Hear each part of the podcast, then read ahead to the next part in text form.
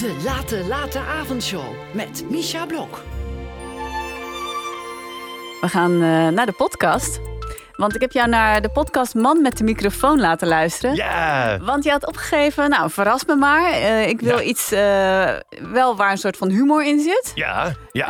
Uh, een beetje newsy dacht ik wel van neem ik iets met Amerika. ja, klopt, ja. en toen kwam ik uit bij, oh nee, en je had ook gezegd mooie verhalenvertellers. Ja, Nou ja, toen kwam ik uit bij Chris Baayema, man Ja. met de microfoon. Ja, ik hou heel erg van zijn stijl. Ja. Eh, laten we even luisteren naar hoe dat begint. Dit is Man met de microfoon. Met echte en bijna echte verhalen. en mijn naam is Chris Baayema. Welkom bij aflevering 38 van Man met de microfoon. Ik heb vandaag voor jullie, ja, zal maar zeggen, een hoofdgerecht. Met daarin een detective element. Dus ik zou maar blijven luisteren als ik jullie was. Ja, en dat detective element, dat heeft te maken met teletext. ja, ja. Ja, het is echt zo'n typisch Nederlands ding, hè, teletext. Uh, I guess so, ja. nou ja, ik heb eh, teletext in Amerika gezien. Niet ge- gemerkt eigenlijk. Nee. Als het bestaat daar, dan ja, dit is niet zo'n ding. Maar hier wel. Ja, en het is een soort van zoektocht naar... eh, hij heeft op 9-11 heeft hij op teletext gezien... Ja, dat een sportvliegtuigje de toren in is eh, gevlogen. ja inderdaad. En is dat echt gebeurd? Of ja, eh, is er bewijs van? Ja. En dat was de detective element. En eh, ja, dus het heeft, heeft wel te maken met eh, eh, een goede podcast in het Nederlands, maar over Amerika, ook over het nieuws, teletext. ja. En eh, ja, want hij werkte toen eh, met teletext en met AT5 toch? En eh, ja, eh, En hij spreekt met mensen ja, achter teletext. ja, ja, ja. Ehm, even een tweede fragment waarin het gaat over dingen die wel eens fout gaan eh, bij teletext. oh ja. De echte liefhebber van teletext wil gewoon de feiten. En is het daar ooit fout gegaan? Is er ooit een onwaarheid verschenen op teletext? Ja, natuurlijk. Ehm, maar er zijn ook echte flaters geweest. Ehm, en ik heb er eh, twee kunnen vinden, twee verhalen. En de eerste speelt zich af in het tweede jaar van teletext, in 1981. Toen luisterde een redacteur naar een radiozender uit de DDR. Dat vind ik al een heel mooi beeld. Dat er dus redacteuren bestonden die overal hun nieuws vandaan haalden. En dus ook een DDR-radiozender. Afijn, die man of vrouw dacht te hebben gehoord dat de Sovjet-troepen Polen binnenvielen. En dat is toen op teletext geplaatst. Toevallig op een moment dat er een Tweede Kamerdelegatie het NOS-gebouw binnenliep om het te bezoeken. En die zagen dat bericht op teletext.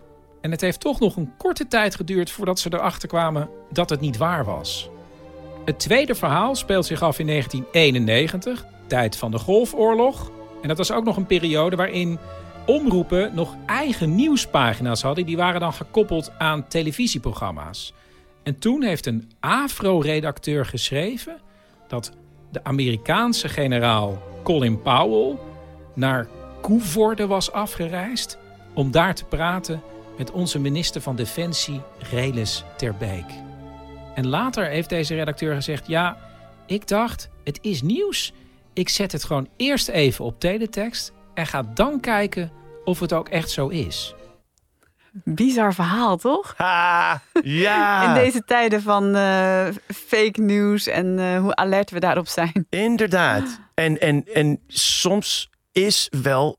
Het is zo interessant voor mij. De, eh, met zo, de disinformation. En eh, ja, Arjen Lubach had het over de fabeltjesfuik. En de algoritme eh, die zo bepalend is. Ja. En, maar wat grappig is, dat Chris bij me zei al. Teletext is gewoon zo, zeg maar, geloofwaardig. Voor ook de complottheorie mensen. Ja. Maar het is toch dezelfde bron eh, van NOS, toch? Maar, Ja. ja. eh, maar ze maken fouten soms. En eh, ja, dat, eh, dat was een hele interessante...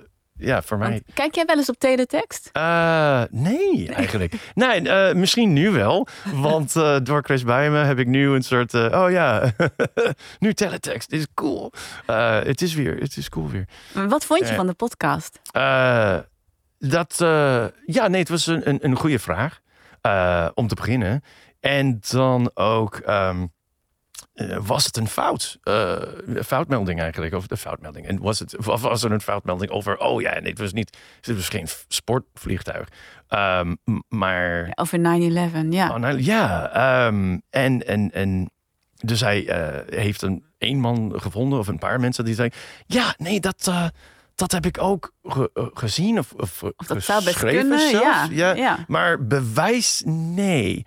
En dan wordt het heel interessant voor mij dat um, over, oh ja, zo'n 20 jaar, 25 jaar, you know, dan hoe um, uh, geloofwaardig, how reliable, toch, is je eigen uh, geheugen. Hoe betrouwbaar. ja. ja, en veel mensen zeggen, oh, ik weet, you know, waar was je op zo'n moment? En waar was je met John F. Kennedy, Space Shuttle Challenger? Veel mensen hebben dat eigenlijk niet goed door.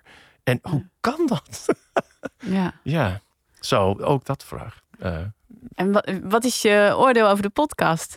Uh, Man met de microfoon. Ja, nee, ik ga vaker luisteren. Ja. Uh, want ja, hij is heel goed in verhaaltjes vertellen.